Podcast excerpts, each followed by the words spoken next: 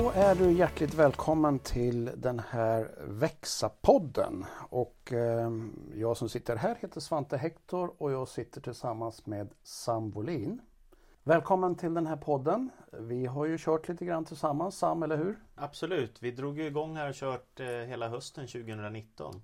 Precis, och då hade vi ett speciellt fokus på just Värmland och eh, det har vi fortfarande men vi inser att den här podden kommer att nå betydligt mycket längre än så. Mm. Och eh, växande utav ledare, utav lärjungar kan man säga är våran fokus, eller hur? Ja precis.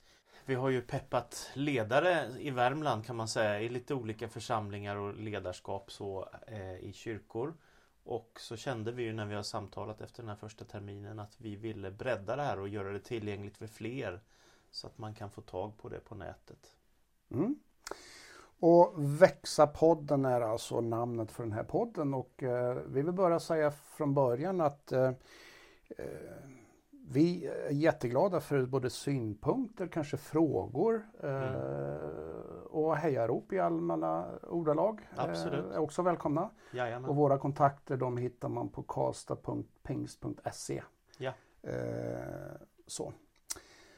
Och nu har vi ju ett, ett, tema som vi kommer att påbörja det här nya året 2020 med. Mm. Och som kommer nog sysselsätta oss ett litet tag framöver. Och det temat, vad är det? Vi har kallat det för Nytt liv i öknen. Och det är en slags eh, profetisk bild som vi har hämtat ifrån profeten Jesaja i Gamla Testamentet, i det 43 kapitlet. Och du Svante, du hade en särskild upplevelse i samband med detta inför det nya året 2020 när vi startade detta i vår kyrka. Kan du inte berätta något? Ge oss en bild av det. Ja, det är lite fascinerande. Alltså jag, jag brukar ju regelbundet läsa i bibelordet och, och vi skulle ha en speciell träff med, med några av nyckelledarna i, i, i Pingstförsamlingen i Karlstad. Och vi skulle dra ihop påsen lite grann inför det här nya året. Och jag får en tanke, en ingivelse som jag inte riktigt, riktigt vet varifrån den kommer i mänsklig mening. Men du ska läsa i Jesaja 43. Det var någonting som hade liksom fått mig att fastna för det, det kapitlet. Och så läser jag där på morgonen när jag äter min frukost och har en stund för mig själv. Så läser jag den här texten och helt plötsligt när jag läser den här texten så är, är det liksom det är som att den lyser fram starkt och, och jag bara upplever att ah, men det här måste vara till oss. Ja. Det här måste vara, vara till, till oss och det sammanhanget. Och då tänkte jag främst på den ledarsamlingen som vi var inne i och som kopplade till vår specifika församling i Karlstad. Då. Mm. Eh, men när vi sen läste den tillsammans och vi, och vi liksom utforskade den tillsammans så var det som att den där den där blev inte bara relevant för vår församling utan ja. den fick vidare spridning på något ja. vis. Ja, absolut. Och därför så har vi, har vi, ja, vi har bestämt oss för att det här får vara med och påverka eh, 2020. Ja, exakt som en slags text som som har ett profetiskt innehåll, det vill säga uppmanar med ord ifrån Herren att se framtiden med hopp. Och det är ju just den här bilden av att det kan komma nytt liv även i öknen. Och det finns en uppmuntrande vers där i Jesaja 43 som säger att redan nu gör jag något nytt, säger Herren. Märker ni det inte? Alltså det sprudlar, det händer någonting nytt. Gud vill förnya sin kyrka, han vill förnya sin församling. Och då är det en härlig, väldigt vacker bild tycker jag som är profetisk. Att även om det finns en öken i det sekulariserade Sverige så kan det komma nytt liv också här. Mm. Andligt liv. Det här är spännande och vi kommer återkomma eh, i ett antal eh, sådana här poddar. Men Sam, det kan ju vara så här att en del nya människor som inte känner oss eh, och då vore det lysande att, att bara få kort presentera oss, eller mm, hur? Absolut. Och Ska vi presentera varandra Sam? Ja, det låter bra. Börja du. ja, Sam Wolin här. Han är ju en härlig person, nyliga fyllda 50. Mm. Eh, alltså han är liksom på andra halvleken utav livet och samlar på sig mycket erfarenhet. Eh, har varit pastor i nästan hela sitt liv, hela vuxna i livet. Ja. Mer eller mindre. Ja och eh, föreståndare i Karlstad de senaste tio åren. Jobbat mycket med bibelundervisning och, och jag skulle vilja betraff, alltså beskriva Sam som, som liksom en Ja, på gränsen till nördteolog, men i den positiva bemärkelsen. Tack. Eh, också författare till, till eh, han har varit med och skrivit eh, delförfattare i flera böcker och kom ut alldeles för, för ett drygt halvår sedan med en ny bok. Vad heter den Sam? Resan mot Gud, kristen i ett nytt årtusende. Mm. Ja. ja, det var något om mig. Mm. Ska jag säga något om dig då, eller vill du fortsätta? Ah, jag skulle bara lägga till att, att, att, att Sam har ju inte bara svenska rötter utan har ju också en, en, en djup koppling till, till ett vidare perspektiv genom sin fru med grekiska rötter. Ja, Och det präglar Sam med jämna mellanrum i den här, verkligen. den här stora generösa attityden. Ja. Eh, och, och det är en väldigt positiv upplevelse att möta Sam och hans familj, två vuxna barn också nu. Mm, exakt. Ja, och min kära kollega Svante Hector han har ju funnits ganska lång tid i Karlstad, har ett långt perspektiv på den här staden och den här bygden och har i många år jobbat med mission på olika sätt. Dels genom att vara utsänd i mission och, och jobba i Afrika men nu i ganska många år genom att jobba med IBRA som ju är är pingströrelsens mediaorganisation för att sprida evangeliet om Jesus. Svante är också en oerhört härlig människa.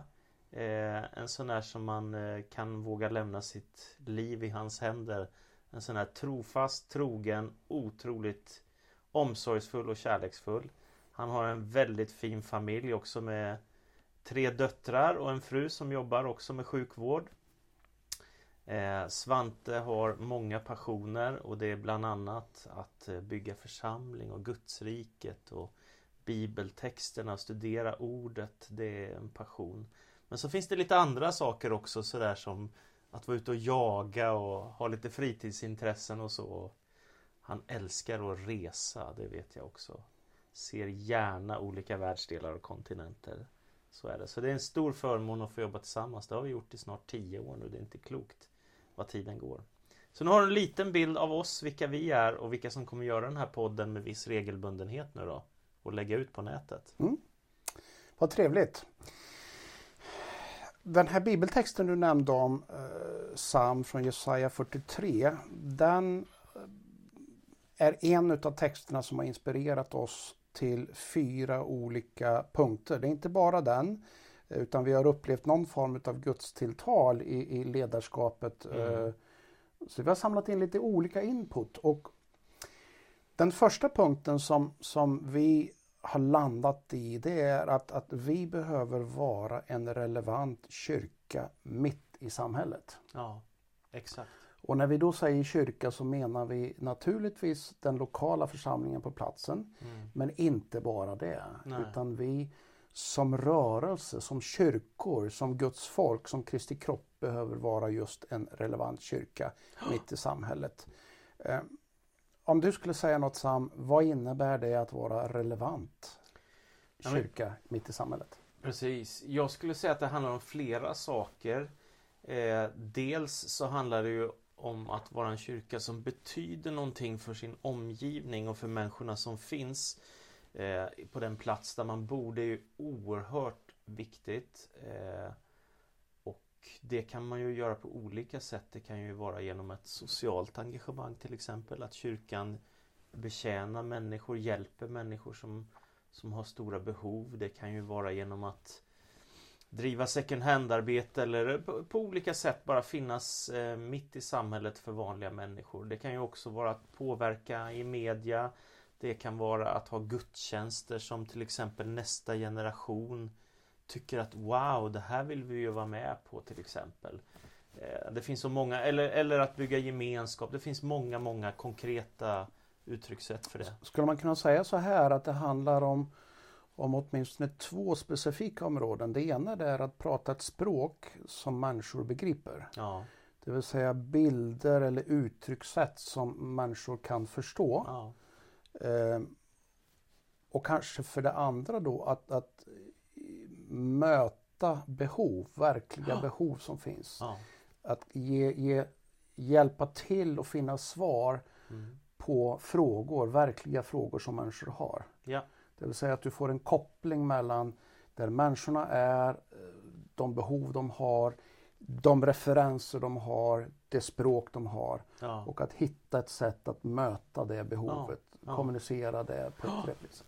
Så, så, Absolut, absolut. Och jag tänker just, just när man tänker mitt i samhället och att vara relevant, det betyder ju helt enkelt att man finns till för människorna omkring sig och inte bara till för den egna församlingen och att det betyder något att vi finns där vi är. Och jag tycker mig, om jag generaliserar väldigt grovt, så egentligen finns det två sorters kyrkor i Sverige.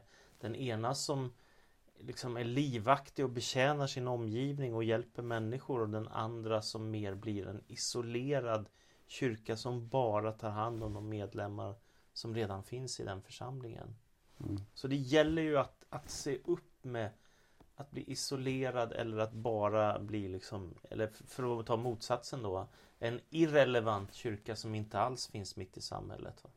Det är ju en tragedi. Det är, det är nästan, nästan lite grann åt sekthållet, att, att Ja. man isolerar sig. Ja, eller, eller helt enkelt att man har liksom ingen passion, ingen glöd för tron och så blir det inget Det finns ingen kraft Mm. till mer än att möjligtvis ta hand om oss själva som redan är medlemmar i den kyrkan. Jag kan se en utmaning då, för det är klart att alltså Paulus han uttrycker ju i första Korinthierbrevet 9 då så pratar han ju om att, att han har försökt att, att, att vara allt för alla. För Mm. judar har han varit som en jude och för, för, för, för eh, de som har lag har han haft, varit som en med lagen och de som inte har en lag har han försökt att vara som dem. Så han uttrycker liksom, han sträcker sig, han, Mm. han är beredd att uppoffra rätt mycket. ja, ja, Så där tycker man ser att hans egna personliga preferenser, de lägger han åt sidan. ja, För att om möjligt nå några fler. absolut. Han säger ju jag har varit allt för alla.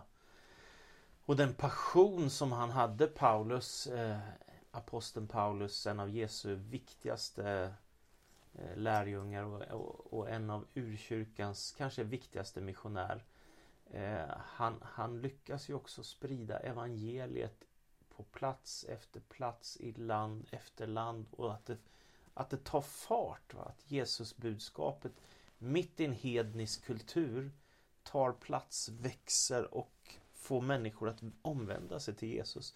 Det är ju oerhört fascinerande. Hur gick Mm. det till? Mm. Hur kunde han lyckas med att liksom dra evangeliet rakt in i människors vardag? Hur gick det till? Det här är ju spännande. Hur gick det till? Det är någonting Ja. vi ska fortsätta att gräva Ja. i, i. Och vi ska ägna en, en, en hel podd åt bara just den här frågan. Yes. Nu introducerar vi den. Men hur Ja. gick det till att vara en leverant, relevant kyrka som liksom bara sätter en, en, en, eld i rörelse? Så. Mm. Ska vi gå vidare på nästa punkt då som, som vi har landat i och som vi kallar för gemenskap över gränser. Yes. Det, det är ju också en sån här riktigt viktig nyckel som jag ser. Eh, vi kan konstatera i vår församling i Karlstad att det kommer nya människor år efter år. Mer eller mindre hela tiden. Det kan handla om om eh, ett mindre antal eller ett större antal. Men jag bara konstaterar att det kommer nya människor till våran kyrka med regelbundenhet. Eh, och då är det ju det man behöver göra, att bygga en gemenskap som är öppen och som kan gå över både kulturgränser, nationsgränser om vi talar om var folk kommer ifrån, deras ursprung och även åldersgränser. Liksom. Där finns ju en slags drömbild av församlingen för mig, att man kan bygga en gemenskap som, som är överskridande mellan unga och gamla, mellan män och kvinnor men, men också över kulturgränser, nationsgränser, alltså med människor som lever här eh, i vårt land och från olika länder. Det här är ju drömläget. Man kan också tänka sig att, att vi går över gränserna i form att vi går över kyrkväggarna. Ja, absolut. Alltså människor innanför kyrkan och utanför kyrkan. Ja, Eh, Alla är ju skapta utav Gud. ja, Alla är i grund och botten skapta till Guds ära. absolut. Sen är det inte alla som har insett det riktigt ännu. Nej. Men där finns det anledning att, att ha gemenskap. Ja, Det finns ju utmaningar kring det här. Alltså jag har ju levt eh, i väldigt mycket mångkulturella sammanhang. Mm, Jag har besökt 50-tal länder och har bott under rätt många år och, och, och jobbat i en mångkulturell sammanhang. Alltså det är inte helt enkelt alltid. nej, nej. Eh, och då, då kommer jag tillbaka till utmaningen som finns med det här att gå över gränser. det verkar som att när anden faller, berättelsen i Apostlagärningarna 2, Mm. då är det som att anden möjliggör eh, kommunikationen, relationen tvärs över gränser. Hur, hur tänker du kring den texten eh, Ja. Sam? Ja men den är ju jätteintressant av den anledningen därför att människor kommer till Jerusalem om man läser Apostlagärningarnas andra kapitel.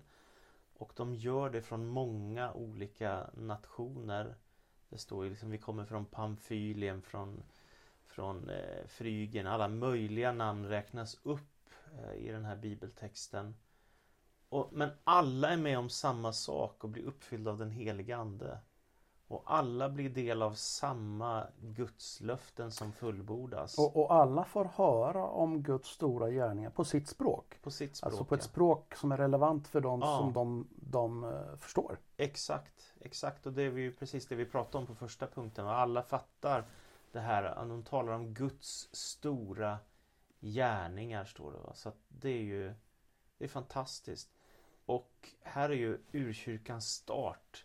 Och det är en gemenskap som går över gränser. Och en sak som jag har tänkt på sista tiden också det är ju att det här, det här berättas inte om apostlärningarna men det som jag har tänkt på det är ju det är en gemenskap som går över olika kultur och nationsgränser som möts i Jerusalem när den helige Ande uppenbarar sin kraft över dem.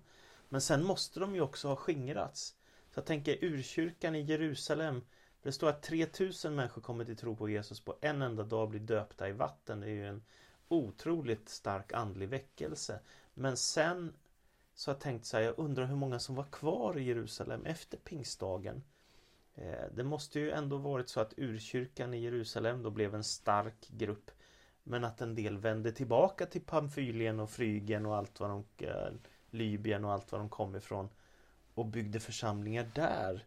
Som ju faktiskt inte berättas om i Nya Testamentet. Det är ganska spännande tanke. Det, ko- det, kom, det kommer ju en senare skede när, när, när eh, ja, men det kommer förföljelse i Jerusalem. Så Ja. en del av de som är där tvingas iväg. Ja, Och där finns ju beskrivet hur, hur liksom människor kommer till tro i Samarien och lite varstans. ja men Det exakt. bara sprider sig vidare. Exakt, och då är det häftigt att då uppfylls ju exakt det som Jesus har sagt också från Jerusalem till Judeen, till Samarien, till jordens yttersta gräns.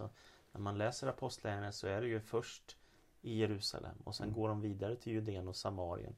Så vi kan ju läsa om i Apostlagärningarna hur Filippos till exempel predikar där. Man skulle kunna säga då Sam eh, att, att, att andens utgjutelse, alltså andens kommande hit till jorden som för övrigt beskrivs som, som alltså där, där och då föds kyrkan Ja, i det vi känner som kyrka. Ja. Alltså födelsedagen för kyrkan är ja, Och anden redan där och då möjliggör gemenskap över gränser och Ja. att evangeliet bara skjuter fart tvärs över gränser.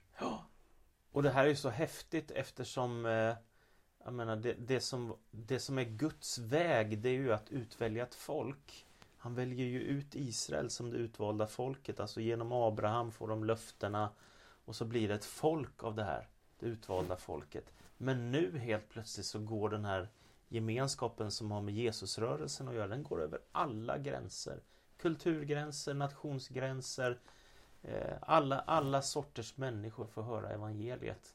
Det är ju så fantastiskt. Och då tänker jag att det, det är det här som är kyrkans utmaning i alla tider. Att vara en gränsöverskridande gemenskap driven av anden. Så hur lyckas man med att vara en, en eh, gränsöverskridande kyrka med gemenskap över gränser? Ja. Det har vi anledning att återkomma till. Det är 10 000 kronors frågan. Jag bara, bara för en tid sedan så gick jag in i en kyrka bara för att heja på lite folk. Så det är märkligt vad, vad lätt det är att folk bara går förbi en utan att heja och man känner att kyrkan är stängd och det är mest för de egna. Och liksom. Men varje gång när det är tvärtom, när människor kramas om eller är öppna och välkomnande eller pratar med grannar eller alltså då händer ju det som behöver hända. Vad gör man för att man ska känna sig välkommen i, Ja. ett nytt sammanhang? Ja. Det får vi återkomma till sen. Det gör vi. Vi ska ha en hel podd om det här temat också. Då. Jajamän. Eh, vi går in på tredje, tredje stråket eller tredje spåret här då. då. Mm. Lärjungaskap och ledarskap på väg. Yes. Jag tänker då att båda de här områdena är nyckelområden. Lärjungaskapet det handlar, ju, det handlar ju om att man bestämmer sig för att följa Jesus Kristus och göra honom till Herre. Urkyrkan hade ju en tydlig bekännelse och man sa Jesus är Herre. Och det är ju en väldigt radikalt anspråk i ett rike som romarriket var med mängder av gudar till exempel. Och så gör man anspråk på att Jesus är Herre över allt, att han har namnet över alla namn. Och dessutom så, så är det ju liksom ett, ett sätt att leva. Jag gör Jesus till Herre i mitt liv. Men du Sam, jag måste bara fråga dig en sak. Alltså det här med, med, med Herre eh, är ju både ett ord som har använts rätt mycket i svenska språket, kanske inte så mycket numera. Nej. Eh, det är i kyrkliga sammanhang ett, ett ganska så religiöst laddat, Mm. laddat ord. Mm. Eh, om vi skulle bara för ett ögonblick stanna upp vid vad innebär det att någon är Herre? Ja. ja, det är en bra fråga.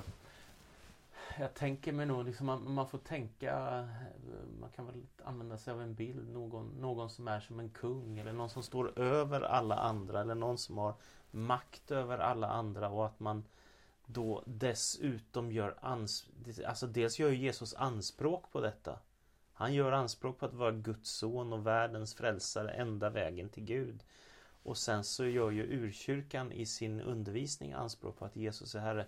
Vilket betyder att han står över allt avguderi. Han står över alla andra namn. Det finns ingen som Jesus. Det är, det är budskapet. Så när man bekänner eh, det som urkyrkan har gjort och kyrkan genom alla tider sedan har gjort att Jesus är Herre.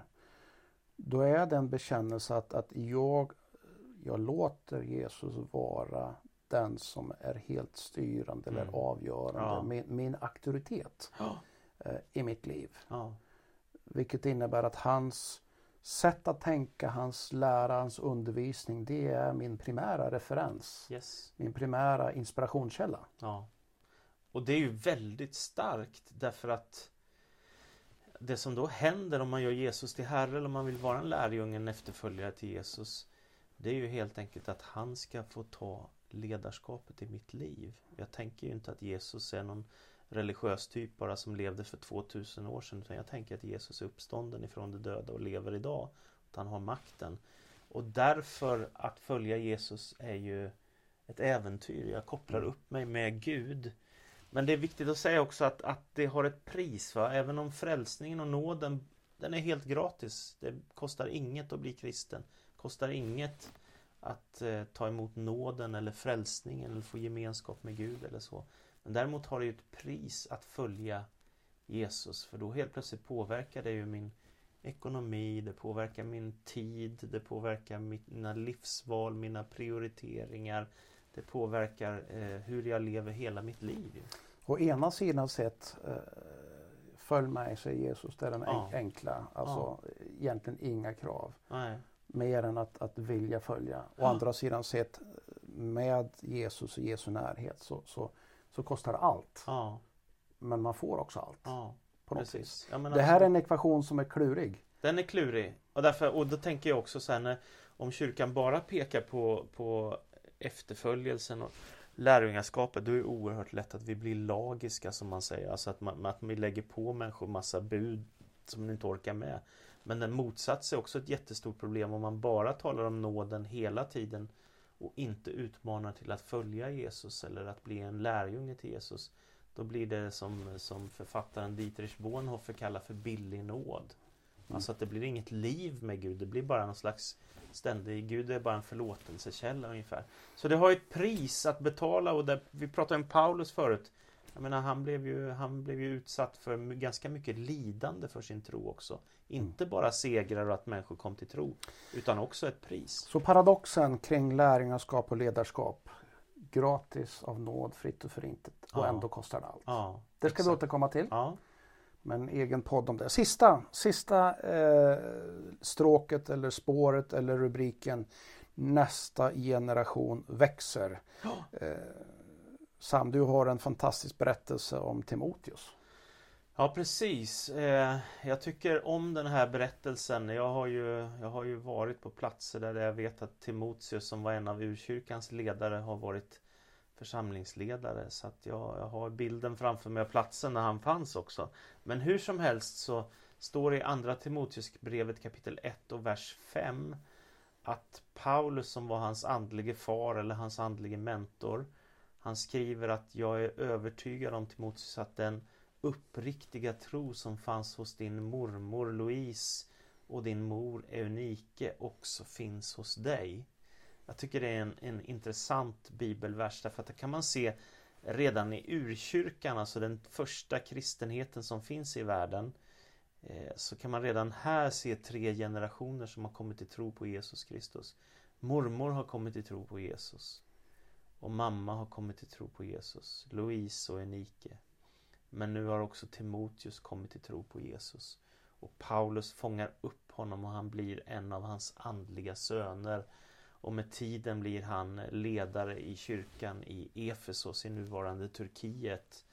Eh, och får mycket uppmuntran av Paulus i två brev i Nya Testamentet kan man säga då. Så att här, här ser man ju generation, det går från generation till generation evangeliet om Jesus Kristus. Och i det här fallet så är det då blodsgenerationen då Ja, kan man säga. Ja, Men vi kan också se det här hända i, i, i lärjungarörelser där, där eh, lärjunge gör lärjunge som gör lärjunge eller ja, eh, upptäckargrupp startar upptäckargrupp Ja. som startar upptäckargrupp, församling som startar församling. Och inom IBRA så, så ser vi ju det här hända i många generationer. Ja. Så I dagsläget så, så vet vi själva, har vi liksom nära koppling till, till åtminstone sju generationer ja. eh, där det har gått vidare. Näst, ganska många grupper, eller hur? Jättemånga grupper. Hur många kan det handla om?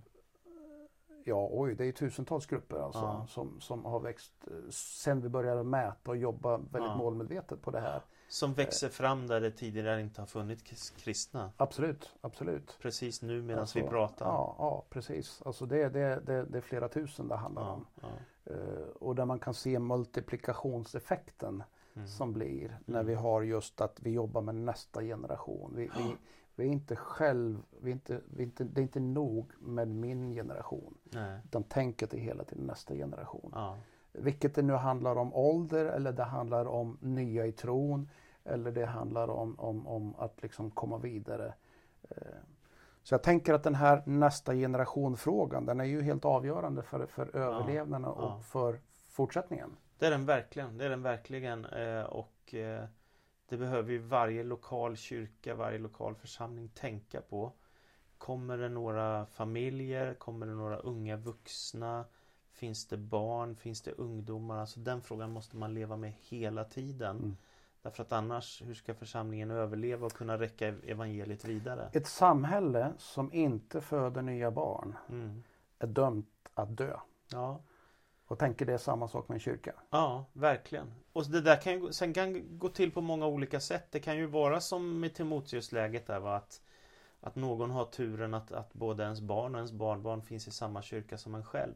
Men det kan ju lika gärna vara som du säger, andra människor som hittar fram till tron. Det viktiga är ju bara att kyrkan då är öppen så att nya människor som kanske inte alls är släkt med en enda människa i den kyrkan man kommer till ändå känner sig älskad och välkommen och eh, attraherad av det som händer i gemenskapen. Det här blir spännande att utforska mer Sam.